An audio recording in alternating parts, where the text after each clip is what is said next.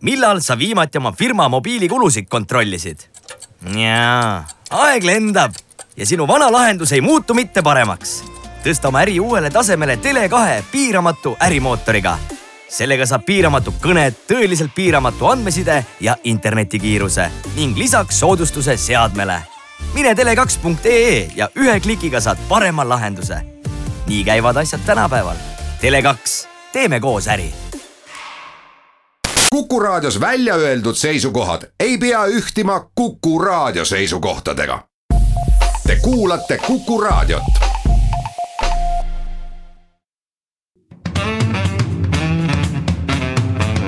muuli ja Riikoja tere päevast, head kuulajad, kell on seitse ja pool minutit üksteist läbi, et on reedene päev, siis ka saate Muuli ja Riikoja aeg ehk Kalle Muuli ja Indrek Riikoja on stuudios. tere päevast. alustame tänast äh, saadet äh, valimisseaduse muudatuse ettepanekutega, nimelt vastava eelnõu on justiitsminister kooskõlastusringile saatnud ja ka õiguskantslerid tulid sellesisulised ette, ettepanekud. teiseks räägime natuke rahvastikuminister Riina Solmani algatusest teha pedofiilide register ja ja keelata ka teatud tingimustel nime muutmine. räägime ka alkoholiaktsiisist, eilsel riigikogu selle istungjärgu viimasel istungil sai aktsiisialandus kinnitatud, ehk siis esimesest juulist langevad õlle äh, õlle, lahjad alkohoolsed, osade lahjade alkohoolsete ja kangete alkohoolsete jookide aktsiisid kakskümmend viis protsenti. neljandaks räägime avalikkuses puhkenud arutelust tulevase riigi peaprokuröri üle, et kas praegune peab siis jätkama või, või tuleb keegi uus. siseminister Mart Helme viskas õhku mõtte, et päästjate ja politseinike palgatõusuks võiks osaliselt rahv, Eesti Rahvusringhäälingu erastada ja sealt raha kokku hoida. lõpp lähebki vist EKRE peale ära, et äh, meil on plaanis veel, kui aega vähegi on, natuke rääkida ka äh, väliskaubanduse IT-ministri Gerd Kingo järjekordsetest väljaütlemistest ja võib-olla ka natuke tema eelkäijast ühe või kaks päeva ametis olnud. poolteist. poolteist päeva ametis olnud Marti Kuusikust. muuli ja Riikoja sellest, et äh, valimiste korraldamine ja, ja kogu valimiste protsess on äh, viimastel aastatel äh, väga palju muutunud, on palju räägitud, sellest hoolimata on meil kehtinud juba enam kui kümme aastat poliitilise välireklaami keeld kolmekümne päeva jooksul ennem valimispäeva. nüüd siis on välja tuldud äh, eelnõuga, mis kaotaks selle välireklaami piirangu ja tegelikult võib-olla sisu poolest veelgi olulisem muudatusettepanek puudutab seda, et äh, valimisagitatsioon võiks olla valimispäeval lubatud äh, seda siis igal pool mujal kui valimisjaoskonnas, et valimisjaoskond peaks jätkuvalt jääma, jätkuvalt jääma valimisagitatsiooni vabaks ja ega mis puudutab nii-öelda välireklaami keeldu, siis äh, sellele on selles mõttes nagu raske vastu vaielda, et seda, see kehtestati omal ajal põhjendustega, et äh, niimoodi võiks nii-öelda viimase kolmekümne päeva jooksul ennem valimisi võiks äh, justkui valimisdebatt muutuda sisulisemaks. vähem oleks loosungeid ja plakateid, rohkem sisulisi arutelusid. seda juhtunud ei ole mis puudutab nüüd äh, valimisagitatsiooni valimispäeval, siis ühest küljest on muidugi õige, et meil on see nii-öelda traditsiooniline valimispäev, riigikogu valimiste puhul on ta siis äh, valimisaasta teisel, ei vabandust, esimesel, esimesel äh, märtsi pühapäeval. aga tegelikult käib ju valimine alustades hääletamisest äh, välissaatkondadest jätkuva, jätkudes e-hääletuse, eelhääletusega. tegelikult poolteist, peaaegu kaks nädalat enne valimispäeva juba valimis, valimised käivad ja kogu selle aja jooksul on, ei ole mingeid piiranguid valimispropagandat teha, et selles mõttes äh, ütleme, et need muudatused käiksid ajaga kaasas. kui siis, siis noh kuna see valimispäev on nagunii suuresti märgilise tähendusega, viimased valimised on näidanud, et tegelikult enamus valimas käijatest teeb oma vali, valiku ära juba ennem valimispäeva. et äh, aga noh, teatud nii-öelda märgiline tähtsus sellel valimispäeval on ja, ja sestap ainus asi, millega võib-olla võiks natukene nuriseda, on see, et, et võib-olla seda valimisagitatsiooni ikkagi valimiste päeval ei peaks lubama. noh, aga äh aga sisulist põhjendust sellele ei ole. meie tehnilised vahendid on ka sellised, et kuidas seda teda reaalses elus keelad. et kui siiamaani ja aastal üheksakümmend neli oli ikkagi infokanaliteks ajakirjandus ja ja välireklaam. ja, ja praktiliselt ei olnud inimestel arvuteid olemaski, rääkimata sellest, et oleks internetiühendus kõikidel olnud. Või et oleks inimestel olnud mingisugused sotsiaalmeediakanalid, mille kaudu saab reklaame levitada neile. et sellist asja ju ei olnud siis, kui see keeld kehtestati ja tegelikult see keeld Eestis oli, on küll üheksakümne neljandast aastast, aga oma ajalooliselt olemuselt. ma võiks pika ajalooloengu pidada sellest, kuidas mingid keelud või asjad on tekkinud valimisseadustesse. et tegelikult on ta ikkagi veel märksa varasemast ajastust pärit kui, kui valimised olid hoopis teistmoodi sündmus, kui ei olnud veel isegi televisiooni ja raadiot olemas.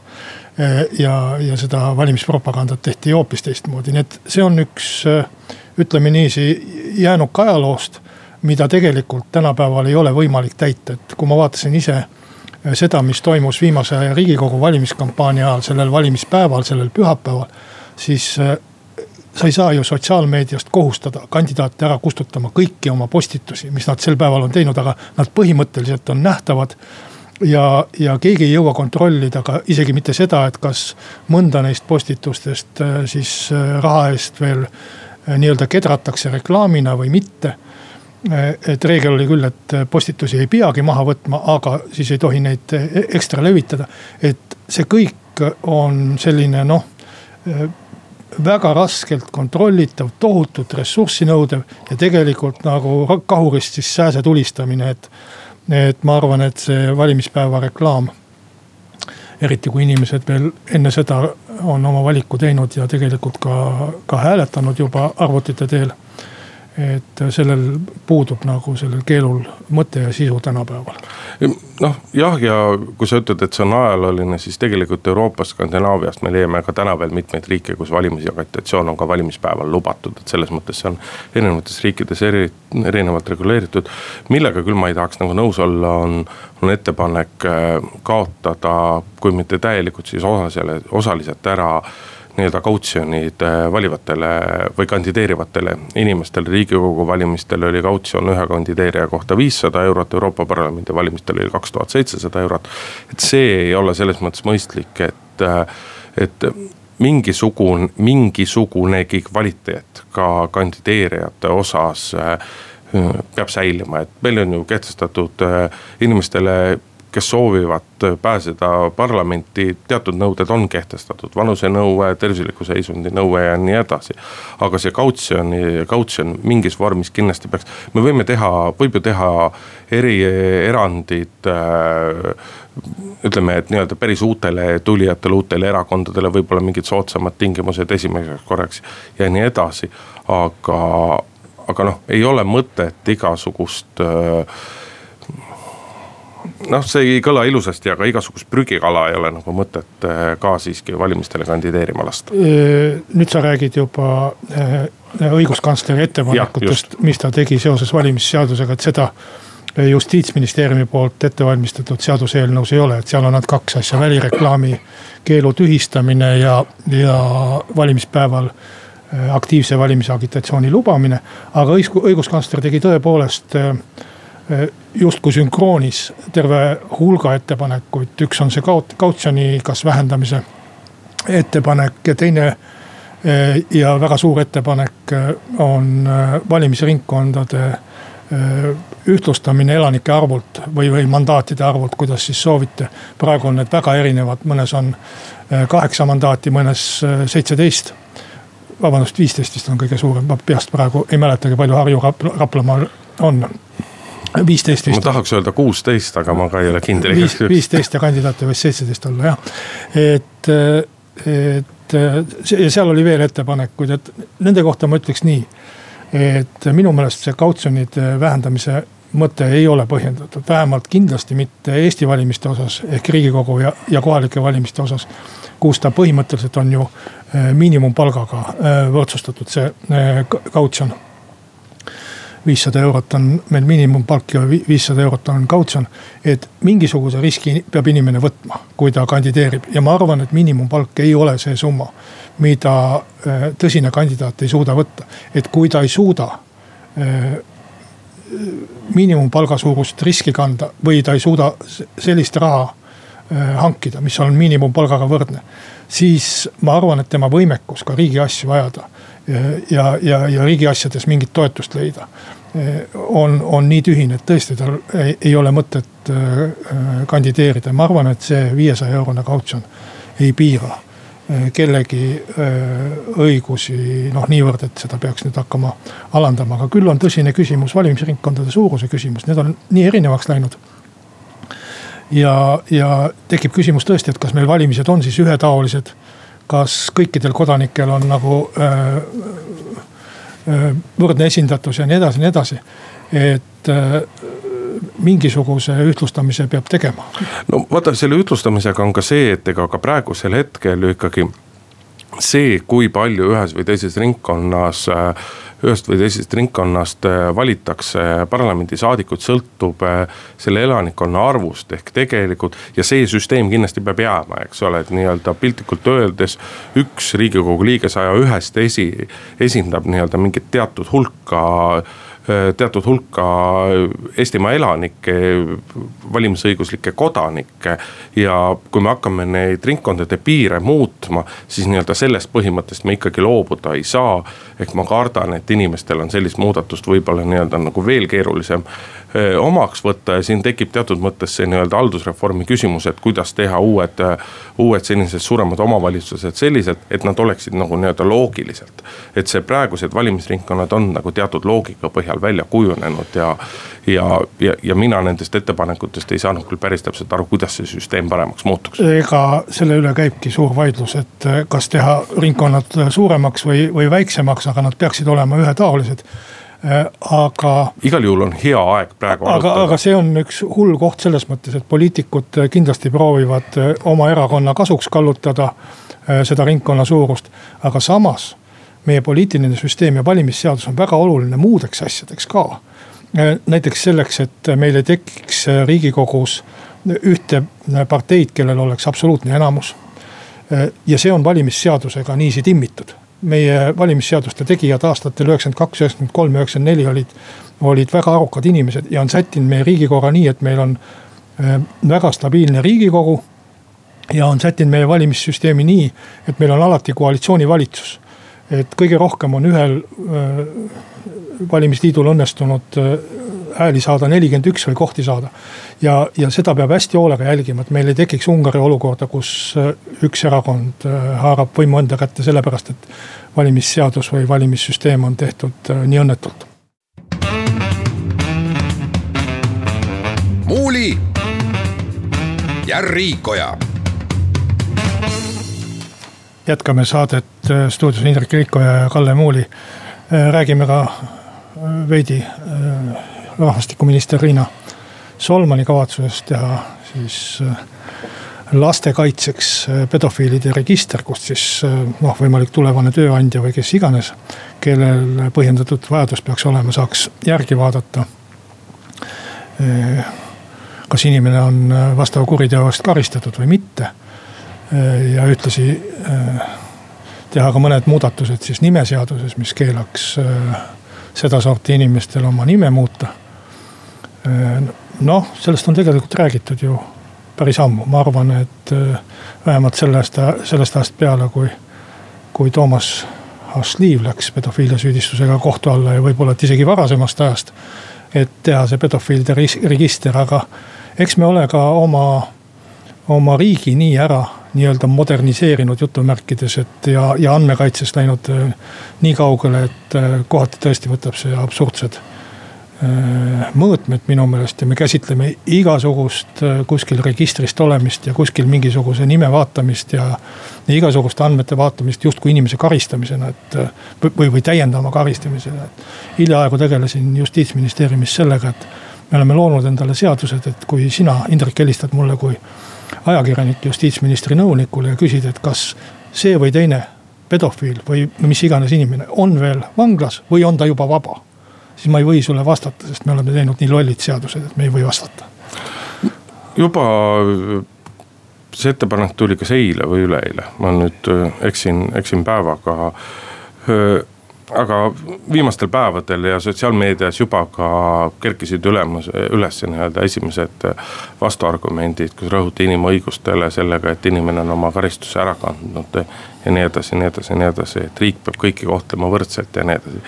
riik ka oma karistuspoliitikas ei kohtle kõiki inimesi võrdselt, tapmisel ja tapmisel on ka seaduse silmis Äh, väga selge vahe näiteks sees, sõltuvalt sellest, keda tapetakse. politseiniku tapmist äh, käsitletakse tunduvalt rangemalt kui nii-öelda tavalise inimese tapmist ja mis teeb nii-öelda nagu pedofiilide kuriteod teistmoodi ja pedofiilide olemuslikult teiseks on see, et tegemist on väga julma kuriteoga kõige kaitsetumate inimeste vastu. ja selles mõttes on need, on see teistsugune kuritegu ja see, et selliste kuritegude toimepanijaid koheldakse mõnevõrra karmimalt, sellepärast et pedofiilide register või siis nimevahetuse keeld on mõnevõrra karmim kohtlemisviis. on täiesti õigustatud, on, on, ma julgeksin öelda ikkagi, et ainumõeldav, et see ei pea tähendama seda, pedofiilide register ei pea tähendama seda, et igal inimesel on igal inimesel tänaval piltlikult öeldes on sellele registrile ligipääs olemas. aga et sellele registrile pääsevad ligi näiteks koolijuhid, näiteks lasteaedade juhid. näiteks mingite noortekeskuste juhid ja, ja, ja kõik need inimesed, kes tegelevad igapäevaselt lastega. see on täiesti loomulik, see on täiesti elementaarne. Indrek, ma võtan oma lapsele lapsehoidja ja, ja ma ei pea olema mingisugune pioneerilaagri kasvataja, vaid võtan oma lapsele lapsehoidja ja ma tahan tahan teada, milline on tema minevik ja, ja, ja vähemalt karistuse osas ja pedofiilia osas. ja mul peab olema see õigus, et ma soovin oma, oma erakonnakaaslasele Riinale küll väga palju jõudu see asi kiiresti ja otsustavalt läbi suruda. ma läheksin veel kaugemale, aga ma ei tahaks, et minu, minu seisukohta võetaks eh, justiitsministeeriumi või justiitsministri seisukohana või isegi mitte, ma räägin. aga oma... Isamaa seisukohana võib võtta? ei, ma kindlasti ei ole kooskõlastanud seda erakonna juhatuses, aga. poliitiliselt määratlenud, eh, poliitiliselt ennast määratlenud eraisik Kalle Muuli seisukoht. see on minu sügav veendumus, mis mul oli juba, juba enne seda, kui ma erakonda astusin. et eh, tegelikult võiks olla tööandjatel vastava teema raames õigus tutvuda inimese kari-, karistusregistriga ka, ka muude kuritegude ja muude tööalade puhul. kui ma võtan endale firmasse raamatupidaja, siis ma võin tema käest küsida, et kas sul diplom on, mille sa kakskümmend aastat tagasi said seda, seda võin ma küsida, aga seda, kas sa oled kümme aastat tagasi karistatud näiteks raha varastamise eest mõne teise ettevõtte raamatupidamisest. seda ma ei või kuskilt vaadata. või, või kui ma võtan endale tööle autojuhi no taevas, ma peaksin teadma, kui ta on viiskümmend korda liikluseeskirju rikkunud, ehkki need võib-olla on äh, kustunud ja, ja, ja ammendunud. Ja võib-olla ta on kümme korda roolist nagu purjuspäi vahele jäänud. et äh, me oleme oma ühiskonna liiga kinniseks teinud. Ja minu meelest ei ole need karistused, kui tööandja teab et sa oled minevikus varastanud teise tööandja raha. no sul on äh, ministeeriumis võimalik see ettepanek teha, aga tehkem kõigepealt see pedofiilide asi korda ja vaatame siis asjadega edasi. ma loodan küll, et teeme. teeme siinkohal väikese pausi. muuli ja Riikoja Läheme saatega edasi, Kalle Muuli ja Hendrik on jätkuvalt stuudios, eile äh, võeti äh, riigikogus kolmandal lugemisel vastu alkoholiaktsiiside langetamine kahekümne viie protsendi võrra, ei puuduta see veini äh, veiniaktsiisi küll, aga õlle, siidrite, laheda alkohoolsete jookide ja kange alkoholi aktsiisi. muidugi analüüse selle kohta on väga erinevaid tehtud, aga, aga nii-öelda põhimine, äh, millest poliitikud nii-öelda on otsust tehes äh, langetanud, rahandusministeeriumi analüüs ütleb, et äh, sellel aastal peaks see tähendama suurusjärgus miinus kolm miljonit alkoholiaktsiisi laekumises. aga järgmistel aastatel peaks seis jääma nii-öelda nulli ehk ei võideta ega kaotata. ehk praktikas me saame öelda, et äh, alkoholiaktsiisi langetamisel ei ole mitte mingisugust muud põhjendust peale nagu märgilise tähenduse, sellepärast et äh, riik ei võida sellest midagi, riik ei kaota ka midagi. ja seal on arvestatud nii alkoholiaktsiisi kui ka muid maksutulusid, mis, äh, mis lae, peaksid laekuma rohkem selle arvelt, et inimesed ostavad alkoholi pigem Eestist, soomlased tulevad uuesti rohkem siit ostma. ehk tegelikult on tegemist täiesti mõttetu muudatusega. noh ma arvan, et eh, riigieelarve seisukohast ei ole alkoholiaktsiis kunagi probleem olnud. võib-olla, et ainult eelmisel aastal, kus eh, tõesti eh, teda, teda natuke laekus vist vähem kui üle-eelmisel. aga alates sellest järsust tõstmisest, mis leidis aset juba Taavi Rõivase ajal, on ju tegelikult aktsiisi rahaliselt de facto laekunud riigieelarvesse rohkem kui nende madalamate aktsiiside ajal, mis kehtisid aastal kaks tuhat neliteist ja, ja aastal kaks tuhat viisteist veel. no sellepärast, et hinnad tõusevad, inimeste elujärg paraneb, sissetulekud kasvavad et, ja nii edasi. ka, ka selle Läti kaubandusega otseselt mis olid valed, olid prognoosid olid valed ja, ja prognoosid ei täitunud, aga reaalne raha, mis on riigieelarvesse laekunud, on, sellega ei ole kunagi probleemi olnud noh, selles mõttes, et, et oleks, oleks nüüd hakanud kõvasti vähem laekuma, kui kunagi kaks tuhat neliteist laekus. no eelmine aasta ikkagi laekus vähem. jah aga, äh, aga see, mis on probleem, on see, et äh, piirikaubandus Lätiga, see on äh, tapnud Lõuna-Eestit ja, ja see on viinud ka inimesi sinna muid kaupu ostma ja, ja see on meile halb. et tegelikult selle aktsiisilangetuse eesmärk on vähendada piirikaubandust Lätiga, ära teda kindlasti ei kaota. et seda ma arvan, et nüüd ette ütelda, mis juhtub et äh, meie võime siin prognoose teha, vanajumal võib prognoose teha ja, ja lätlased võivad prognoose teha. et ma arvan, et keegi ei tea seda väga täpselt ette, et kui oleks keegi võimeline olnud seda väga täpselt ette prognoosima. rahandusministeeriumi aparaadis, siis ilmselt neid aktsiisitõuse ei oleks ka kunagi tehtud kahe tuhande viieteistkümnendal aastal ja kahe tuhande kuueteistkümnendal aastal et selles mõttes ma ei võtaks siin seisukohta, et mis juhtuma hakkab, ma ise olen ka üldiselt skeptiline. et selliste selliste maksumängimistega on võima-, võimalik mingit kiiret järsku pööret saavutada, et see kindlasti vähemalt selles piires, sellises kahekümne viie protsendilises, mis iseenesest ei ole väga väike langetus, ikka päris korralik. et, et see nüüd kindlasti mingisuguse drastilise või dramaatilise pöörde tooks ja eriti veel riigieelarvele, et nüüd me hakkame rahas ujuma, sellist asja ei juhtu. no me võime lühidalt kokku võtta selle aktsiisilangetuse tõdemusega, et riik selle arvelt rohkem ei teeni ja sellest aktsiisilangetusest äh, Lõuna-Eestis ka ühtegi poodi uuesti lahti no, ei tehta. ma arvan, et Lõuna-Eestis siiski elu sellest äh, natuke muutub, et seal kindlasti see viina hind on ja, ja õlle hind on tuntav. muuli ja Riikoja. jätkame saadet, äh, räägime natuke siis öö, uue peaprokuröri määramisest, see on, peab olema siis valitsuse otsus äh, äh, justiitsministri ettepanekul, no äh, see otsus tuleb teha sügisel. oktoobrikuu on vist see õige kuu. kui viljad tuleb salve koguda, et praegu on siis puhkenud ajakirjanduses selline noh, ma ütleks pingpong või, või, või mingisugune selline väljaütlemiste voor, kus üks minister ütleb, et mulle meeldib Lavly Perling. noh, ilmselt peaprokurörina siiski. teine ütleb, et eh, ei, ta ei peaks jätkama. et ma arvan, et eh, suveks tuleb nüüd eh, veidi seda hoogu maha võtta selle määramisega. ei ole üldse kiiret, tuleb asjad omavahel läbi arutada ja, ja vaadata, millised oleks siis teised kandidaadid millised oleks siis Lavly Perlingu plussid ja miinused võrreldes nende teiste kandidaatidega, et tuleks nagu sisuline arutelu teha.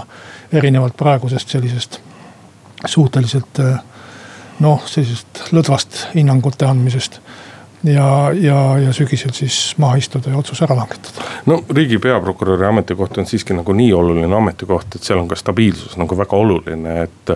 jah, me võime rääkida teoreetiliselt sellest, et Lavly Perling ei sobi sinna ametisse, aga ka nii-öelda Mart Helme kriitikas ei ole me siiamaani saanud eh, silpigi teada seda, midagi uut selle kohta, miks ta sellele koht, kohale hea ei ole, et räägitakse potentsiaalsest huvide konfliktist, viidates tõsiasjale, et Lavly Perlingu abikaasa töötab kaitsepolitseis. ja et sealt võivad justkui tekkida mingisugused huvide konflikt. sellest räägiti ka no ligi viie aasta eest, kui teda ametisse määrati neid huvide konflikte ei ole kuskilt nii-öelda nagu välja paistnud, keegi ei ole suutnud seda nagu tõestada. et selles mõttes äh, nii-öelda Mart Helme väljaütlemised ja käitumised, et see paistab jälle sellise nii-öelda EKRE-le nagu omase plärtsumisega, et. et räägime oma umbluud süvariigist ja ma ei tea millest, ilma et me midagi konkreetset välja tooksime, ilma et me seda kuidagi nagu seletaksime. aga, aga kukeke on igal juhul nagu vastu, et sellel ei ole nagu mõtet ja, ja ma isiklikult julgen küll teha ka selle ennustuse, et plärtsutage, mis plärtsutakse, aga lõpuks, lõpuks Lavly Perling ikkagi ametisse nimetatakse ja ma julgen arvata, et Eesti riigile sünnib sellest pigem kahju, pigem kasu kui kahju. minu isikliku arvamuse kohaselt on ta oma tööd teinud väga hästi, kui me vaatame neid korruptsiooniasju, mis on, mis on kohtusse antud ja mida on mida on prokuröride juhtimisel äh, uuritud siis see töö on kindlasti olnud äh, äh, väga tõhus, et ega prokurör ei saa seal midagi teha, kui, kui, kui Edgar Savisaar tervise tõttu kohtualt vabastatakse. ma aga... ütlen vahele, et loom-, loomulikult on ka prokuratuuri töös olnud eksimusi ja loomulikult on ka Lavly Perlingu töös olnud eksimusi. aga eksimine on inimlik ja, ja oma eksimuste tunnistamine näitab pigem inimeste tugevust. ühele asjale ma tahaksin veel tähelepanu juhtida, kuna on kuskilt läinud lahti mingi jutt, et, et Isamaa tahab nagu oma inimesi hoida ametis. Lavly Perling ei ole mingi Isamaa inimene. Lavly Perling määrati ametisse kahe tuhande neljateistkümnenda aasta sügisel, kui Isamaa ei olnud valitsuses. võimul oli Reformierakonna ja Sotsiaaldemokraatliku Erakonna valitsus. Justiitsministriks oli Andres Anvelt, kes tegi ettepaneku, sotsiaaldemokraat ja peaministriks oli Taavi Rõivas ja, ja selline valitsus kinnitas Lavly Perlingu ametisse, nii et Isamaal ei ole tema praeguse ametisse kinnitamisel mitte mingit pistmist. ai, tegelikult te olite nii kavalad, et te lihtsalt susserdasite. süvariigi kaudu ajasime selle asja korda. muuli ja Riikoja ja saate lõpus äh, läheme edasi peamiselt EKRE-ga seotud teemadega kahjuks. siseminister Mart Helme, EKRE esimees äh, käis välja mõtte, et selle jaoks, et leida politseinike ja päästjate palkade tõstmiseks raha, tuleks äh, rahvusringhääling osaliselt äh, erastada või õigupoolest suuremas osas erastada ja sealt siis saadavat raha kulutada, et noh, jättes kõrvale teema, et kui teda erastada, siis saadavad tulud on ühekordsed ja nii-öelda jooksvad kulud, mis suudetaks kokku hoida, on muidugi kaugel nendest summadest, mida oleks vaja politseinike ja päästjate, päästjate palkade tõstmiseks, siis äh, muidugi päris rumaluseks ma ei tõttaks kuulutama, kuulutama tema, tema juttu ERR-ist, et hoolimata sellest, et tegemist on, on väga otseselt ka, ka nii-öelda meie ettevõtte konkurendiga, on siiski noh, see on põhiline küsimus ja põhiline arutelu sellest, et mis on Rahvusringhäälingu eesmärk, mida ta peab äh, mille jaoks ta on ellu kutsutud ja mida, mida ta peaks tegema ja, ja praegusel hetkel. mina isegi ei võtaks nii kaua, nii palju erinevate Rahvusringhäälingu portaalide kallal. kuigi noh, ka seal me, me, need on põhilise kriitika alla sattunud, et kas Rahvusringhääling peab nii-öelda aktiivselt nii-öelda internetimeediat ja meelelahutuslikku meediat ja mida kõike, et. jah, ma võiks teoreetiliselt küsida näiteks, et, et kui riik ühest ühe käega toetab näituseks teadusajakirjade väljaandmist, nende ilmumist, et miks siis näituseks teadusportaal peab tegutsema pigem Rahvusringhäälingu all, miks ta ei võiks nende teadusajakirjade juures tegutseda ja nii edasi. aga noh, raadiomaastik, mida ma paratamatult rohkem tunnen, noh seal on, seal on küll see põhiline küsimus, et miks peab Rahvusringhäälingu raadiojaamade loetelus olema näituseks Raadio kaks omal ajal puhtalt nii-öelda reklaami müümise eesmärgil ellu kutsutud raadiojaam. et mis on see R2 panus äh, eesti kultuuri arendamisse, rahvuse säilimisse, eesti keele säilimisse. mida kommertsjaamad seal kõrval näituseks ei paku, et ma julgen väita, et sisuliselt sellist panust Raadio kahe juures ei ole, mitte et see tingimata halb raadiojaam oleks, aga ega riik ei pea kõike tegema Raadio Tallinna kohta võib samamoodi küsida, et selge see, et Rahvusringhäälingus on kohti, mida ümber vaadata, on asju, mille kohta peaks väga tõsiselt kaaluma, kas neid peab nagu tootma. ja noh, veel suurem küsimus, kui rääkida Rahvusringhäälingu töö efektiivsusest ja nii edasi, siis küsimus on sellest äh, väga suures äh, tehnilisest baasist, tehniliste töötajate baasist, äh, mis Rahvusringhäälingul on olemas. mida on loomulikult tore nii-öelda nagu omada ja tore teha, aga nähes, et kõrval kõik kommertskanalid suudavad oma programme toota ikkagi arvestataval määral säästlikumalt, arvestataval määral väiksemate tööjõudu, töö, tööjõukulude ja kõige sellega, eks ole, meil on siin mõne kuu eest näide, kui rahvusringhäälingu äh, juhatuse esimees Erik Roose julges öelda, et, äh, et tulevikus on paratamatu, et osaliselt hakkavad äh, saateid ka AK uudistesaadet üles võtma robotkaamerad, siis milline kisa sellest paisus Rahvusringhäälingu tehniliste töötajate ridades, et noh, see ei näinud näidanud küll mitte midagi muud, kui et Erik Roosel oli täielikult õigus ja, ja need kisajad ei saa lihtsalt absoluutselt aru, kuidas, kuidas areneb elu, kuidas areneb teleelu, kuidas areneb tehnika ja, ja, ja mis on nii-öelda nagu tulevikus paratamatus? no Mart Helmel ja, ja võib-olla mõnel teisel EKRE, EKRE juhil on ka komme öelda kõiki asju. nii õigeid kui valesid sellisel toonil välja et. Äh, et sa ei saa muud moodi kui vihastada. jah, et äh, ei tahaks nagu sel teemal rohkem edasi rääkida. et äh, tegelikult peaks nagu maha rahunema ja vaatama, et pesuveega ka last välja ei viska, ehk minu meelest nagu lõppeval ja, ja, ja eelmisel nädalal kokku on Mart Helme vähemalt kolm asja ütelnud, mida, mida kui, kui nad oleksid nagu natukene tsiviliseeritumal toonil ja teises kontekstis öeldud, võiks täiesti tõsiselt ja, ja asjalikult arutada. üks asi on see riigipiir, kuhu me ehitame kolmesaja kolmekümne miljoni eest sohu maanteid, elektrooniliselt valvatavaid maanteid ajal, kui meil Tartu-Tallinn, Tartu-Pärnu või Tallinn-Pärnu ja Tallinn-Narva vajaksid ehitamist. et seal tuleks kindlasti vaadata kulud üle. ja, ja kas meil sellist äh, Äh, asja sinna sohu on ikka vaja ehitada. Äh, teine asi, äh, kindlasti oli väga õige migratsioonialase töörühma laiali saatmine, iseasi, et peaks minema sealt edasi ja vaatama, et kuidas siis ikkagi probleeme lahendada, see oli kahekümne nelja liikmeline suht teovõimetu töörühm, mis esitas juba ammuilma ka valitsusele, eelmisele valitsusele ühed ettepanekud, millest kasutusse läks vist üks või kaks. Et, et noh, väga palju vilja sealt ei tulnud ja oli õige otsus. ja, ja kolmas on noh, mitte ainult Rahvusringhääling, aga äh, kus võiks vaadata, et kas see, mida me oleme pidanud pühaks ja puutumatuks, et kas see peab täies koosseisus nii olema ja ma olen sinuga nõus Raadio kahe asjus, et omal ajal ta asutati nii, et ta oleks justkui isemajandav. müüb reklaami ja elab sellest ära siis kaotati ja siis räägiti palju sellest, et tegelikult võiks selle erastada ja keegi ei käsitlenud seda kallaletungina vabale ajakirjandusele. Äh, siis kaotati äh, Rahvusringhäälingust reklaamimüük ära ja Raadio kaks, mis oli aset, asutatud just raha teenimiseks ja kommertskanalina iseenda ülalpidamiseks läks lihtsalt maksumaksja ülalpidamisele. et äh, see koht oleks kindlasti see, aga noh, kui see ettepanek on serveeritud nii, nagu ta serveeritakse, justkui kättemaksuna Rahvusringhäälingule. justkui karistusena mingite saadete eest või mingite sõnade eest või mingite EKRE vastaste seisukohavõttude eest. Ja, ja veel et erastame mingite palgakulude katteks. no seda ei saa sel viisil arutada, me peaksime arutama, et mida Rahvusringhäälingule on vaja ja mida ei ole vaja ja kas me peame kõike ülal pidama. või saaks selle raha eest veel paremat Rahvusringhäälingut teistel kanalitel teha.